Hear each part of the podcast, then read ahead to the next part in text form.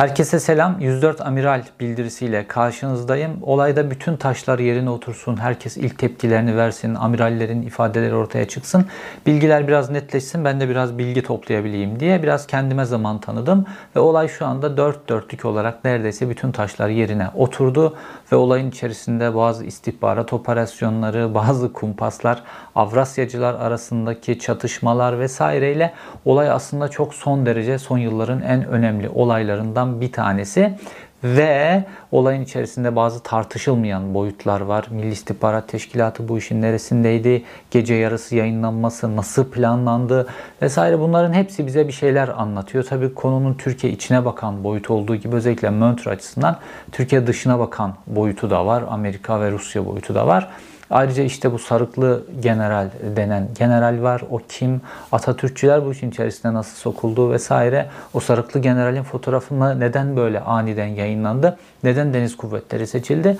Bunların hepsi bize bir operasyonu anlatıyor. Son yılların yine örnek, anlatılması ve anlaşılması Türkiye'yi anlamamız açısından iyice anlamamız gereken operasyonlardan bir tanesi.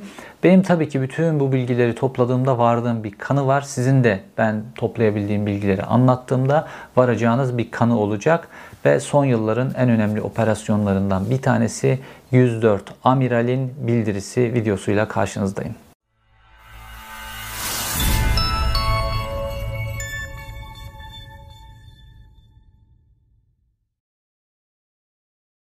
Şimdi 104 amiral olayını anlayabilmemiz için önce imzacılar kim? Bunları anlamamız lazım. Şimdi imzacılar 104 tane amiral ama içlerinde birkaç tanesi son derece önemli. Çünkü bu, bu birkaç isim aynı zamanda bu 104 amirali bir araya getiren o kendi içlerinde de farklı fraksiyonları var.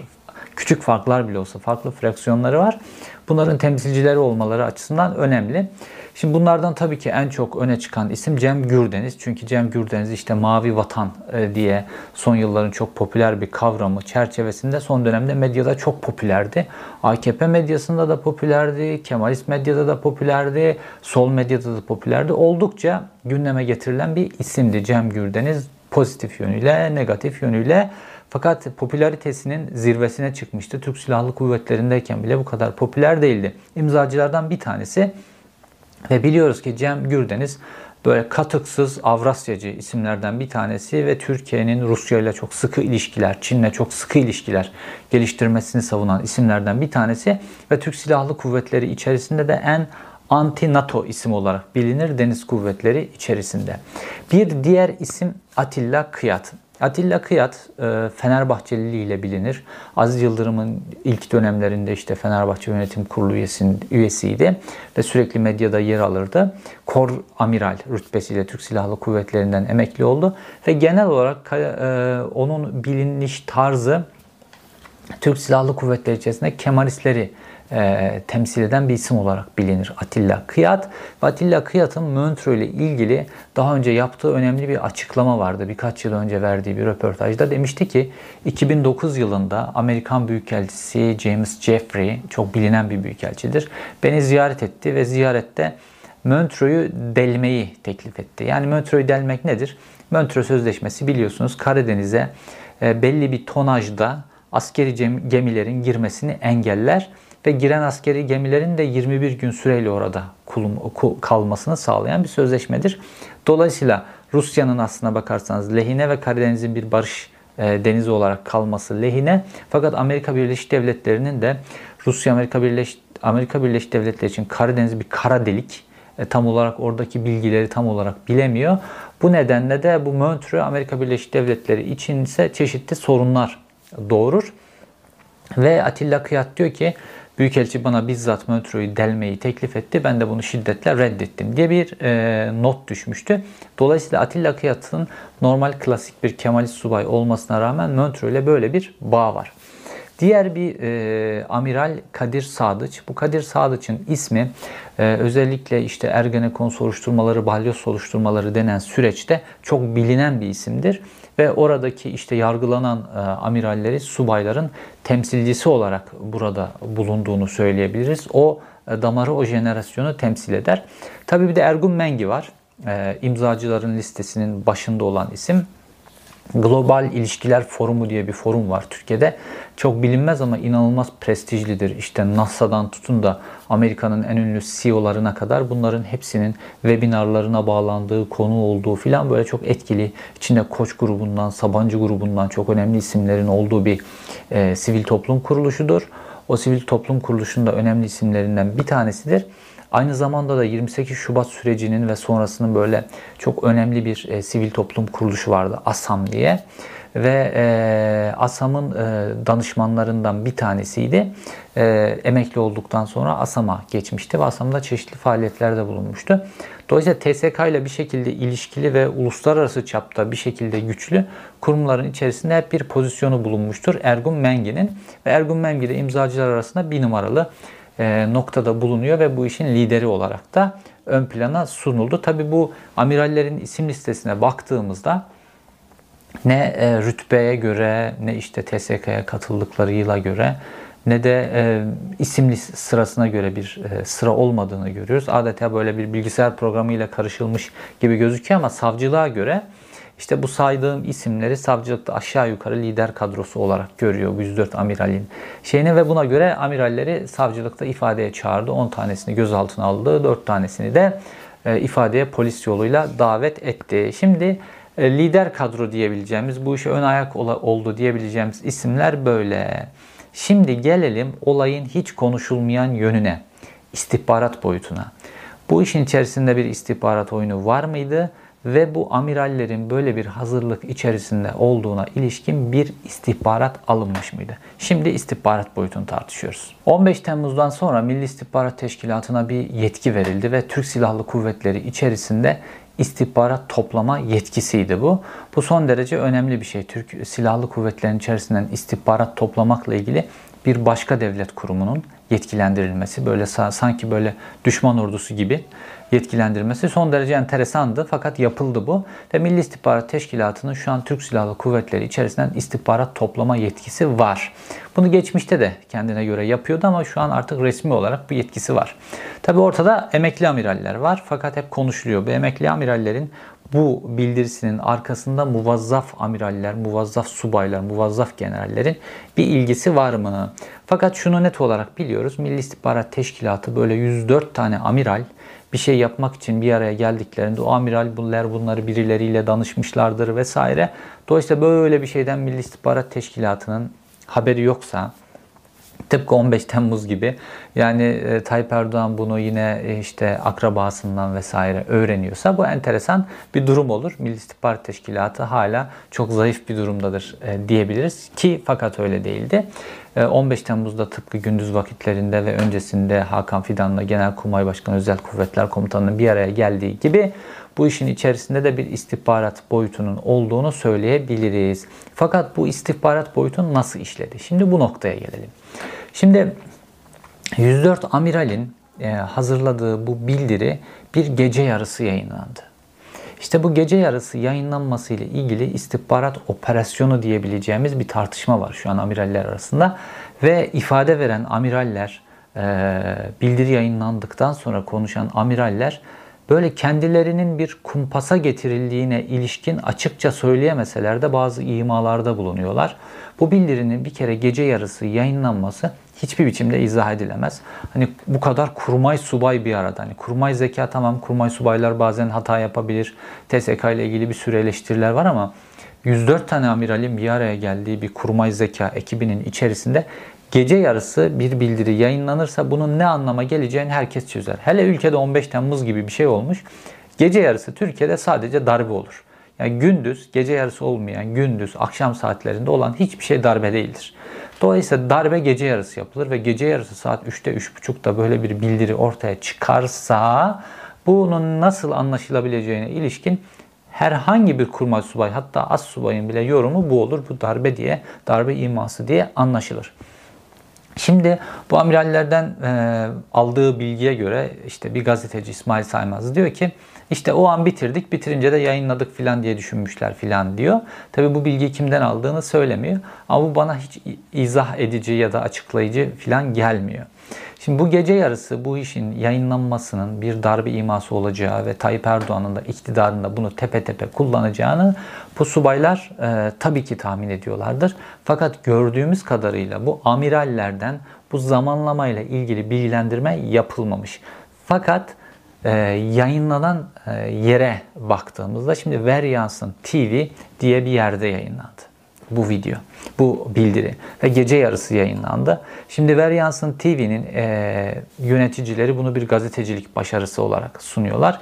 Ve Ver Yansın TV'nin ekibine de baktığımızda geçmişte Perinçek Ulusal TV e, ekibinin içerisinde sürekli parlatılmış ee, sürekli ön plana çıkartılmış, orada yetişmiş isimler ve şimdi bunlar geldiler kendilerine e, ayrı bir mecra açtılar ve Ulusal TV'nin temsil ettiği e, kesim açısından yapamadığı bazı operasyonlar Veryansın TV üzerinden bağımsız böyle ulusalcılar gibi bunlar bunlar üzerinden yapılıyor ve faturada edilmiyor pek çok yere. Fakat burası üzerinden yayınlandı. Şimdi bu operasyon bana bu 104 amirale yapılan bu gece yarısı bildirinin yayınlanması operasyonu bana başka bir operasyonu hatırlatıyor. Bir Doğu Perinçek operasyonunu. Şimdi Aziz Nesin'in oğlu Ali Nesin bunu defalarca anlattı. İşte bazı kitaplara filan da yansımış bir konu. Biliyorsunuz Sivas Madımak'ta e, işte 38 tane aydın e, yakılarak işte dumanla boğularak hayatını kaybettikleri çok büyük bir provokasyon olmuştu. Ve bu provokasyonu temellendiren şey de provok olduğunu iddia eden insanların temellendirdiği şey de işte o, o dönem Aziz Nesin'in yönetiminde olan e, aydınlıkta şeytani ayetler Salman Rushdie'nin şeytani ayetlerinden bazı böyle e, bölümlerin yayınlanmasıydı.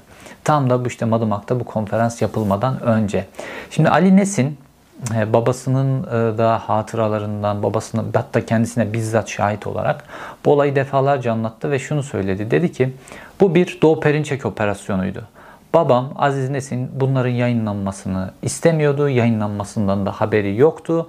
Fakat o dönem e, aydınlıkçılar, yani bugün aydınlıkçı dediğimiz Doğu Perinçek ekibi o zaman gazete içerisinde etkin ve babamın da haberi olmadan gazeteye bunu bastılar dedi ve dolayısıyla da böyle bir provokasyonun zeminini oluşturdular. Sonra da orada zaten o provokasyonun oluşturulmasında da başka bir devlet eli, başka bir istihbarat eli olduğu söyleniyor.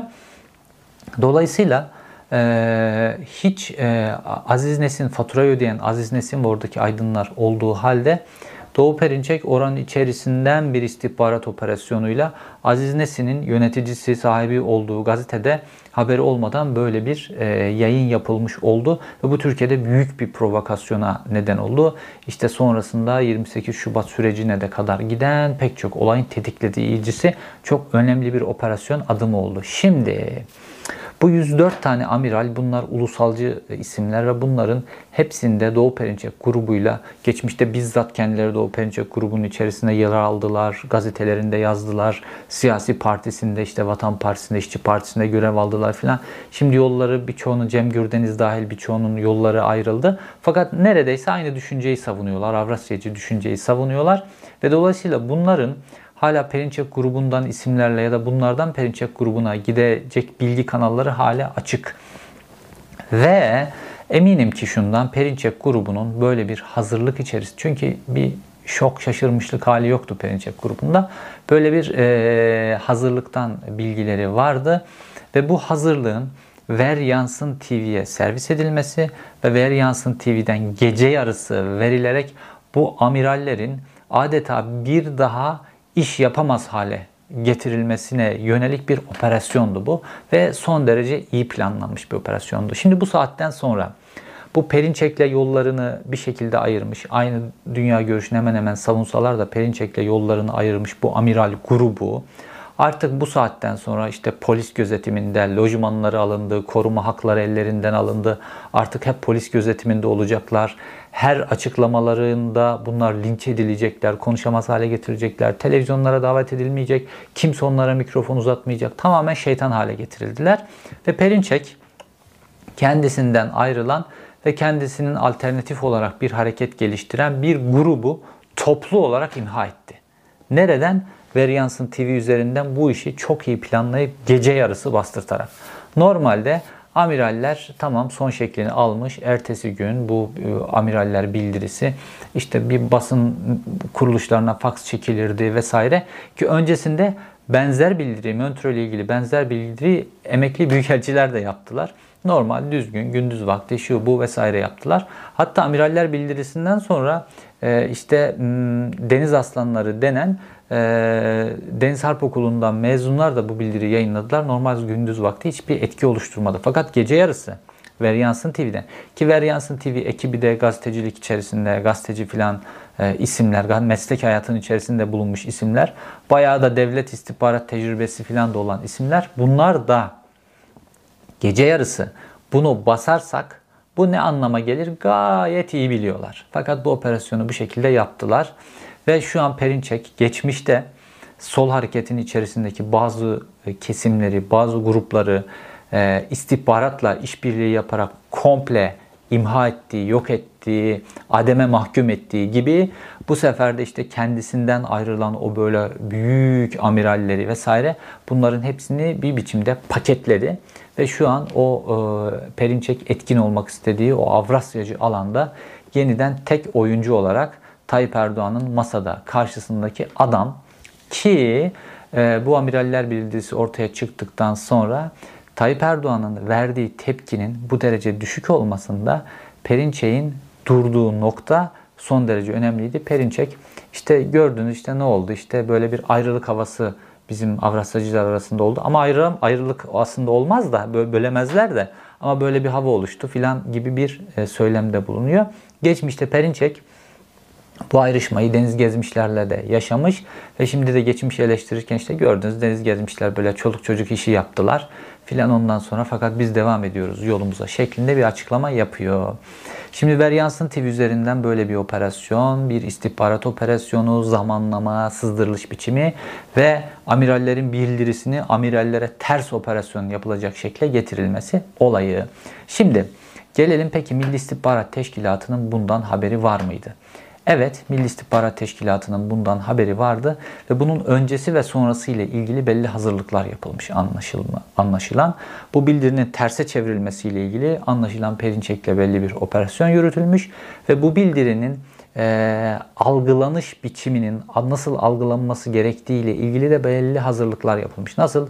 İşte 15 Temmuz'da 15 Temmuz'da işte tanklar daha köprüye gider gitmez bir sürü belediye kamyonunun kumla yüklü olarak böyle en önemli askeri birliklerin önünü bloke, bloke etmesi gibi böyle bir hazırlıklar var. Bu hazırlıklardan bir tanesine işte 15 Temmuz'da Tayyip Erdoğan neredeydi? Marmaris'teydi Tayyip Erdoğan.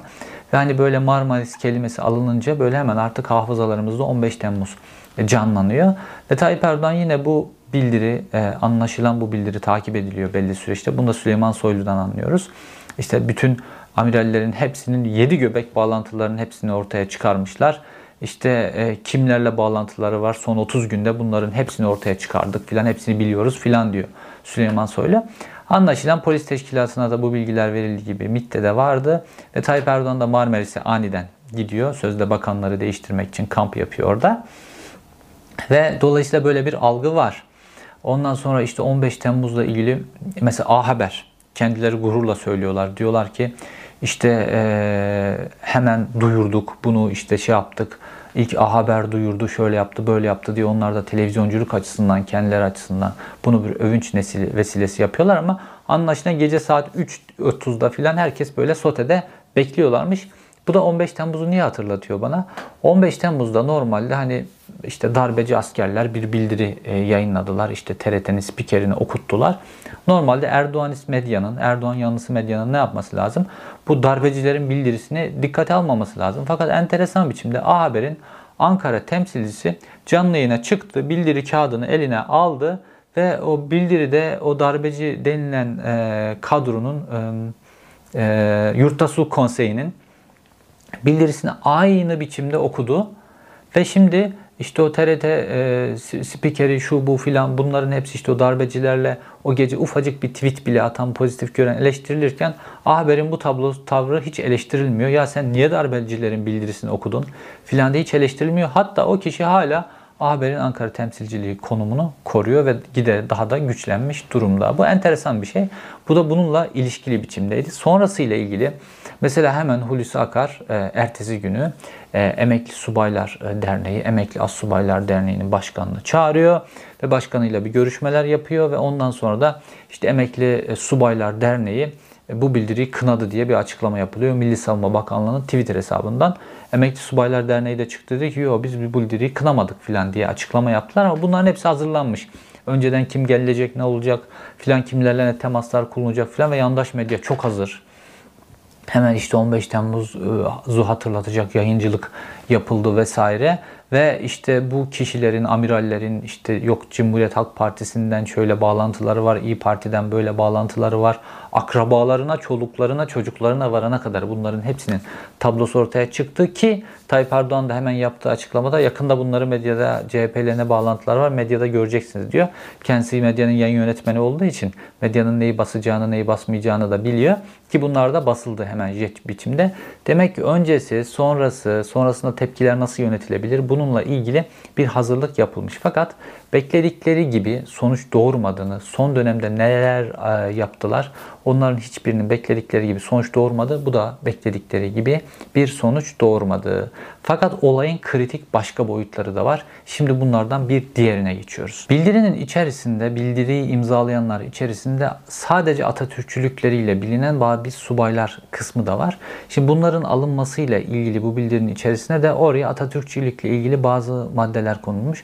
Ve bu Atatürkçü subayların da geçtiğimiz günlerde işte bir tane e, tarikat cemaat merkezinde üniformasıyla e, ve devletin arabasıyla gidip orada sarık cübbe takıp namaz kılan bir amiral görüntüsü, Tu Amiral Mehmet Sarı'nın görüntüsü ortaya çıkmıştı.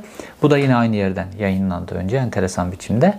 Ve e, bu görüntü üzerine tabii ki Atatürkçü subaylarda çok önemli bir tepki meydana geldi. Dolayısıyla bu Mehmet Sarı'nın ismi verilmeden Buna da atıfta bulunuluyor ve dolayısıyla Atatürkçü subayların bu bildiriye destek vermesi mümkün hale getiriliyor. Daha da genişliyor e, destek veren taban. Şimdi bu Tuamiral Mehmet Sarı meselesi önemli. Kim bu Mehmet Sarı? Mehmet Sarı e, Kurdoğlu cemaati diye bildiğimiz bir cemaat içerisinden bir e, amiral ve normalde e, işte amiral rütbesine yükle, yükselmesi mümkün değil. Albay rütbesinden emekli edilecek birisi. Ve şunu da söyleyeyim. Kurdoğlu cemaati Tayyip Erdoğan tarafından hiç sevilmeyen cemaatlerden bir tanesidir. Ve bu tuamiral muhtemelen bu Yüksek Askeri Şura'da gönderilecektir. E, zaten hakkında e, da araştırma, inceleme vesaire bunlar da yapılıyor. Şimdi bu tuamiral işte Türk Silahlı Kuvvetleri içerisinde biliyorsunuz eşi başörtülü olanların filan yükselmesi çok mümkün olmuyordu geçtiğimiz yıllarda. Ve bu Tu Amiral de işte Türk Silahlı Kuvvetleri içerisinde evli olduğu halde eşi başörtülü vesaire evli olduğu halde resmi olarak evlenmeyen dolayısıyla da eşinin başörtülü fotoğrafları işte devletin arşivlerine filan yansımayan böyle subaylar vardır. Çeşitli tarikatlardan vesaire. O da onlardan bir tanesiydi. Ve e, işte bu şekilde işte resmi olarak evlenmeyerek albay rütbesinden emekli olurum. E, o zamana kadar işte bu şekilde hayatım devam eder diye düşünen muhtemelen subaylardan bir tanesi idi. Fakat işte 15 Temmuz'dan sonra böyle e, dini ibadetlerini böyle göstere göstere yaşamak subaylar içerisinde çok moda oldu. Böyle işte artık Genelkurmay karargahında bile işte ben namaza gidiyorum, ah vakit ne zaman giriyor filan gibi böyle konuşmalar, e, namazlarını böyle göstere göstere o mescide göstere göstere gitmeler. E, kimi e, işte birlik komutanlarının, üst komutanlarının, tabur komutanlarının birlik içerisindeki camiyi büyütmeleri, daha da lüksleştirmeleri filan.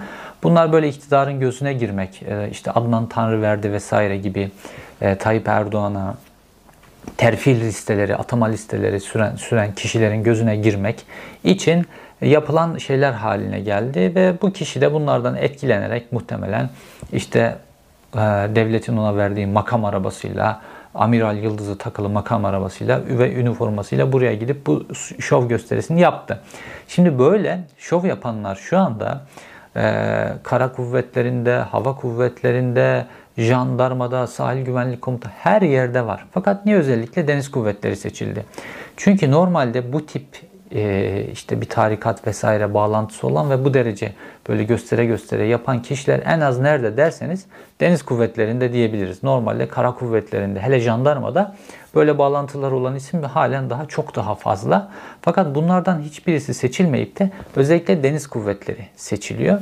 Çünkü enteresan biçimde operasyonlar hep deniz kuvvetleri üzerinden planlanıyor. 28 Şubat'ta mesela Deniz Kuvvetleri ön plandaydı biliyorsunuz. Güvener Kayalar vesaire. Ve e, burada da işte Deniz Kuvvetleri özellikle seçilmiş ve Deniz Kuvvetleri'nin amiralleri de işte son dönemde işte bu Akdeniz'deki gerilimler, Ege'deki gerilimler, Montreux vesaire bunlarla ilgili sürekli olarak böyle hani mikrofonda tutulan, kamuoyunun önünde, gözlerinin önünde de bilinen insanlar. Ee, ve böyle deniz kuvvetleri personeli de böyle medyaya konuşmaya konusunda böyle daha rahattır nedense. Ve dolayısıyla burada deniz kuvvetleri seçilmiş özellikle. Yoksa istense e, bu fotoğrafın benzeri e, kara kuvvetlerinden daha fazla onlarca servis edilebilirdi. İşte bu ultra ulusalcı medyaya. Dolayısıyla bunun üzerinden bir tartışma başlatılabilirdi. Fakat anlaşılan o torbalama hadisesi deniz kuvvetleri için ihtiyaç. Çünkü şu anda Doğu Perinçek ekibi vesaire içinde bu deniz kuvvetlerinden e, emekli amiraller vesaire bunlar bir baş ağrısı haline gelmişti. Dolayısıyla torbalama buradan yapılması gerektiği için deniz kuvvetlerinden bir e, ismin bu şekilde fotoğrafı servis edildi. Yarın bu torbalama başka yerden yapılmak istense ora üzerinden de yapılabilir. Ve bunların hepsinin arka planına da baktığımızda Yüksek Askeri Şura ile ilgili 2021 Yüksek Askeri Şurası ile ilgili de bir hazırlık var. Fakat e, bu zamanlama ile ilgili bir de tartışılan başka bir konu vardı. İşte Avrupa Birliği'nin iki lideri, Avrupa Konseyi Başkanı, AB Komisyonu Başkanı bunların ikisi işte Türkiye bir ziyaret gerçekleştirdiler bu hafta ve bu bildiri de bu ziyaretten 3 gün önce yayınlandı.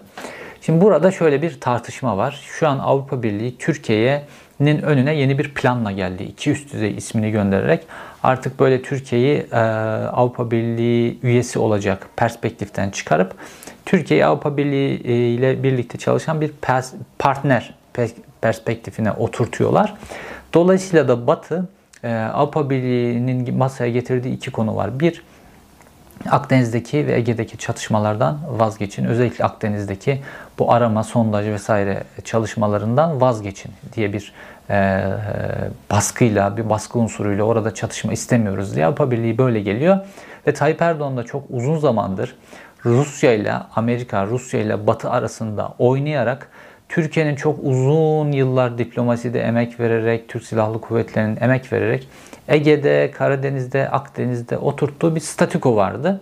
Ve Türkiye'nin genel olarak işte Atatürk'ten bugüne gelen e, bu statikosunda bölgesinde çatışma, bölgesinde karışıklık istemeyen bir statiko oturtmuştu ve bunu Amerika Birleşik Devletleri Batı da destek veriyordu. Rusya da aslında buna fitti diyebiliriz. Böyle bir durum söz konusuydu. Fakat Tayyip Erdoğan Akdeniz'de, e, Karadeniz'de, Ege'de vesaire yaptığı hamlelerle bu statikoyu bozdu. Mesela şimdi Montreux'ün işte ABD lehine delinmesi isteniyor ama Tayyip Erdoğan aslında işte Rusya'ya karşı elinin zayıf olduğu, Rusya'nın Tayyip Erdoğan'ın IŞİD'le işbirliği, petrol ticareti, şu bu filan yaptığına ilişkin görüntüleri yayınladığı dönemde Rusya lehine Montreux'u deldi. Nasıl mı? Şimdi belli bir tonajda geminin işte boğazlardan geçişi, belli bir tonajda askeri gemilerin boğazlardan geçişi yasak Montreux'e göre. Bunun tek istisnası var.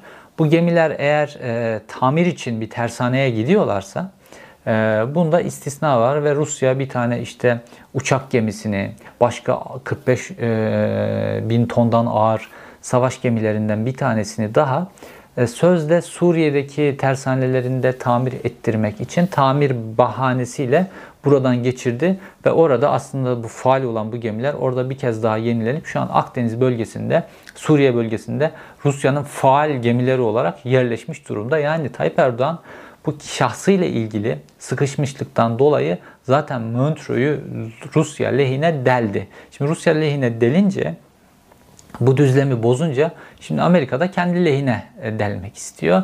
Ve Amerika'nın bu şekilde Karadeniz'de bir Türkiye bir karışıklık istemediği için de Amerika'nın bazı taleplerine 10 yıllardır e, ket vuruyor. Ve Amerika'da işte Romanya ve Bulgaristan üzerinden oradaki limanlar üzerinden ağırlığını ve gücünü Karadeniz'de arttırıyordu. Fakat şimdi Rusya lehine Tayyip Erdoğan kendi sıkışmışlığından dolayı Montreux'u bu şekilde deldiği için karşı bir taleple Türkiye'nin de karşılaşması son derece normal. Şimdi Tayyip Erdoğan Akdeniz'deki, Ege'deki, Karadeniz'deki işte kartları dağıttı. Böyle oradaki statikoyu darma duman etti. Fakat şimdi yerine ne kurulacağına ilişkin elinde güç yok. Neden? Ekonomisi değil, ee, Rusya ile, Amerika ile, Avrupa Birliği ile aşık atacak bir güçte değil. Dolayısıyla da şu an Türkiye hiç vermeyeceği tavizleri vermek durumunda kaldı, vermek durumunda kalıyor. Bu e, kötü yönetim, bu kötü politikalar nedeniyle ve şimdi de işte bu amiraller meselesi de e, Batı tarafından da Rusya tarafından da tepe tepe kullanılıp Türkiye'nin e, aleyhine pek çok gelişmeyi tetikleyecek bir hadise olmaya doğru gidiyor. Şimdi gelelim konunun bir diğer boyutuna. Amirallerin bildirisi ortaya çıktıktan sonra Tayyip Erdoğan işte kameraların önüne çıkacak, önce sarayda bir toplantı yapılacak diye duyuruldu ve Tayyip Erdoğan da kameraların önüne çıktı Marmaris'ten dönmüş olarak vesaire. Ve Tayyip Erdoğan'ı böyle esip gürleyeceğini düşündük. Yani Tayyip Erdoğan böyle çok basit meselelerde bile çok esip gürlerdi. İşte ben Nokta dergisinde o Tayyip Erdoğan'la ilgili yaptığım selfie kapağından sonra bile, yani bir derginin kapağı e, TRT'de canlı yayına çıkmıştı. Bu soruldu. İşte bunlar alçak, şerefsiz, ondan sonra bunlara yaptıklarının bedelini ödeteceğim. Gözlerinden ateş çıkıyor böyle. Kıvılcım saçıyor gözlerinden. Bir dergi kapağıyla ilgili. Şimdi burada da bekliyorsunuz ki böyle hani 15 Temmuz'u falan yaşamış Tayyip Erdoğan çıkıp bunları dümdüz edecek bu amiralleri falan diye bekliyorsunuz. Ama baktığınızda polis operasyonu da böyle hani normalde yani son yıllarda TSK yapılan operasyonda bir gün bir, bir saatte bin tane aldıkları gün oluyordu böyle subay as subay. E, or, amire, or generalleri tutukladılar yani. E, fakat baktığımızda işte 10 tanesini gözaltına aldılar. 4 tanesini ifadeye çağırdılar. E, müsait bir zamanlarında bir polis operasyonunda da bir düşüklük vardı. Sonra Tayyip Erdoğan kameraların önüne geçtiğinde de e, işte art niyetli bu gece yarısı yayınlanması, bu şekilde yapılması, işte medyaya konuşabilirler, akademik çerçevede e, tartışma açabilirler, Montreux'u savunabilirler filan. Ama bu şekilde yayınlamaları art niyetli filan böyle düşük dozda, sinirli değil, agresif değil. Ya Tayyip Erdoğan'ı biliyoruz böyle gözlerinden kıvılcım saçar yani. Böyle bir düşük doz yaptı Tayyip Erdoğan. Şimdi böyle şöyle bir ta- şey tartışılıyor işte Tayyip Erdoğan'la Avrasyacılar arasında ya da işte Tayyip Erdoğan'la Ergenekon arasında da denebilir buna. İşte bunlar arasında bir gün bir çatışma çıkacak filan birbirlerini yiyecekler. Daha doğrusu işte Ergenekoncular Tayyip yiyecek ya da Tayyip onları yiyecek filan. Böyle bir beklenti bu sürekli bunun propagandasını yapanlar da var. Şimdi böyle tabii bu, bu böyle bir 104 amiral ve Avrasyacı olduğu işte büyük çoğunluğu Avrasyacı olduğu bilinen amiraller böyle bir şey yapınca emekli amiraller yine böyle bir çatlak ortaya mı çıktı diye düşündük. Düşünüldü. E, fakat Tayyip Erdoğan'ın tavrından görüyoruz ki Tayyip Erdoğan son derece düşük dozda bu işi ele almış durumda. Ve böyle bir çatlaktan esasen söz edineme, edemeyiz henüz.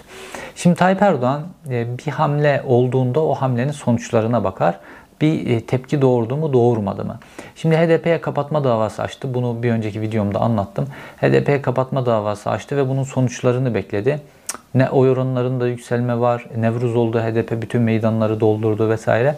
Beklediği sonuç olmadı. Anayasa Mahkemesi'ne iade edin bunu dedi ve Anayasa Mahkemesi iade etti. Şimdi şimdi burada da e, baktı işte böyle 15 Temmuz gibi hazırlık yapılmış medyasıyla, e, bütün ayaklarıyla, mitiyle, şunuyla, bunuyla kurgulama güzel yapılmış vesaire olayın yönü değiştirilmiş filan.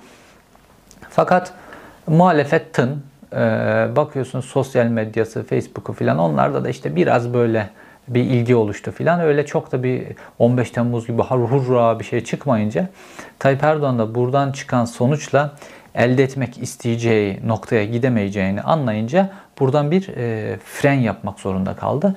Çünkü bu Avrasyacı ekibe ya da işte Tayyip Erdoğan tarafından hala Ergenekoncu denen ekip. Bunu da niye söylüyorum?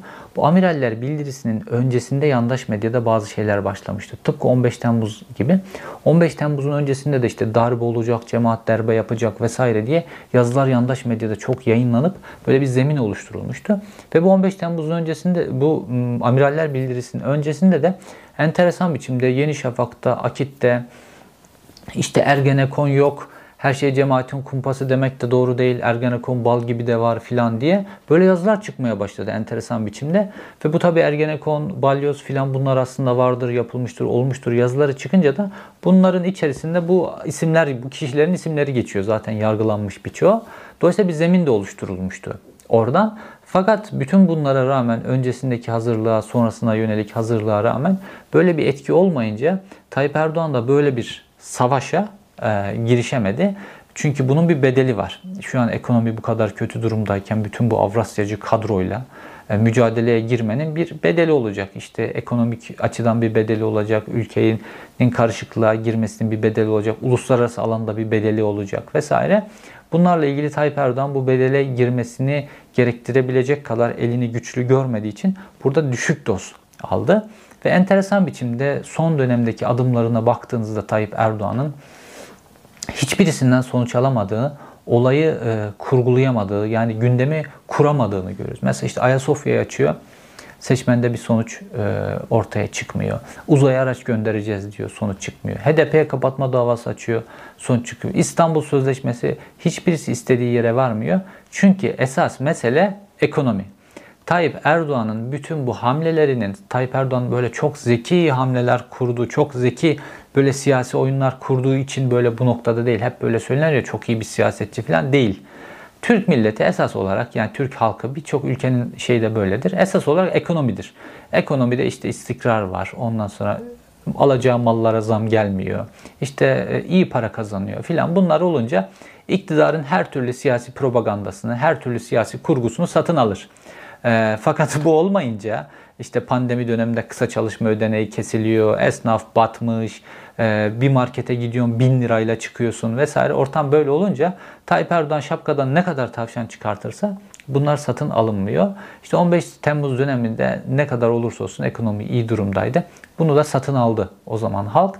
Fakat şimdi 104 amiral bu kadar propaganda, bu darbedir, şudur, gece yarısı yayınlandı, o bu filan. E, o kişi kalkıp markete gittiğinde bir market sepeti 1000 liraya doluyorsa bunların hiçbirisini satın almaz. Dolayısıyla da bu da, bu hamle de, bu kurgu da Tayyip Erdoğan'ın e, başaramadığı, başarısız olamadığı hamlelerden bir tanesi oldu. Ve tıpkı HDP'nin kapatma iddianamesini geri çekmek durumunda kaldığı gibi bu amirallerle ilgili de dozu düşürmek durumunda kaldı ve bu Avrasyacılarla ilgili bir mücadelenin içerisine girecek mecal kendisinde bulamadı Tayyip Erdoğan ve dozu düşürmek zorunda kaldı. Fakat Yüksek Askeri Şura'da bunun bazı sonuçları olabilir. Geçtiğimiz Yüksek Askeri Şura, 2020 Yüksek Askeri Şurası, Türk Silahlı Kuvvetleri tarihinin en yüksek sayıda albayının emekli edildiği e, şura olarak tarihe, tarihe geçti. Ve bu Yüksek Askeri Şura'da da belli tasfiyeler, özellikle daha üst noktalarda belli tasfiyeler bekleniyor. Ve Hulusi Akar Tayyip Erdoğan'ın e, işte Atatürk'ün ordusunu Erdoğan ordusuna e, çevirme e, söylemi doğrultusunda büyük hamleler e, yapacağı söyleniyor. Ve bu amiraller meselesi de bu çerçevede kullanılacaktır. Özellikle deniz kuvvetleri başta olmak üzere önemli sayıda tasfiyenin yapılması için bu bildirinin propaganda kısmı kullanılacaktır. Hatta şu an harıl harıl uğraşılıyor. Bu amirallerle şu an muvazzaf olan işte amiraller, generaller arasında bağlantılar varsa Onlardan mevzu yapılıp Yüksek Askeri Şura'da önemli tasfiyeler yapılması yoluna gidilecektir. Yani son dönemde yapılan bu TSK ile ilgili yapılan hemen her şeyin Yüksek Askeri Şura'ya bakan yönü var. Bu da onlardan bir tanesi. Ve e, baktığımızda işte bu Avrasyacı e, grup dediğimiz, anti-NATO grup dediğimiz kesimin şu an Türk Silahlı Kuvvetleri içerisinde Tayyip Erdoğan'la kapışacak bir gücü var mı yok mu noktasına baktığımızda da Tayyip Erdoğan ve Hulusi Akar'la kapışacak bir güçlerinin olmadığı ve bu bildiriyle bu var olan güçlerin de daha da kırıldığını e, söyleyebiliriz. E, e, uzun bir video oldu. İzlediğiniz için teşekkür ederim. Bu amiraller bildirisini, yansımalarını takip etmeye devam edeceğim. Yeni gelişmeler olduğunda sizinle paylaşacağım. Bugün evde değildim. Almanya dışında bir yerdeyim. Dolayısıyla farklı bir mekan görüyorsunuz. Bu sebeple bir sonraki videoda buluşmak üzere. Hoşçakalın.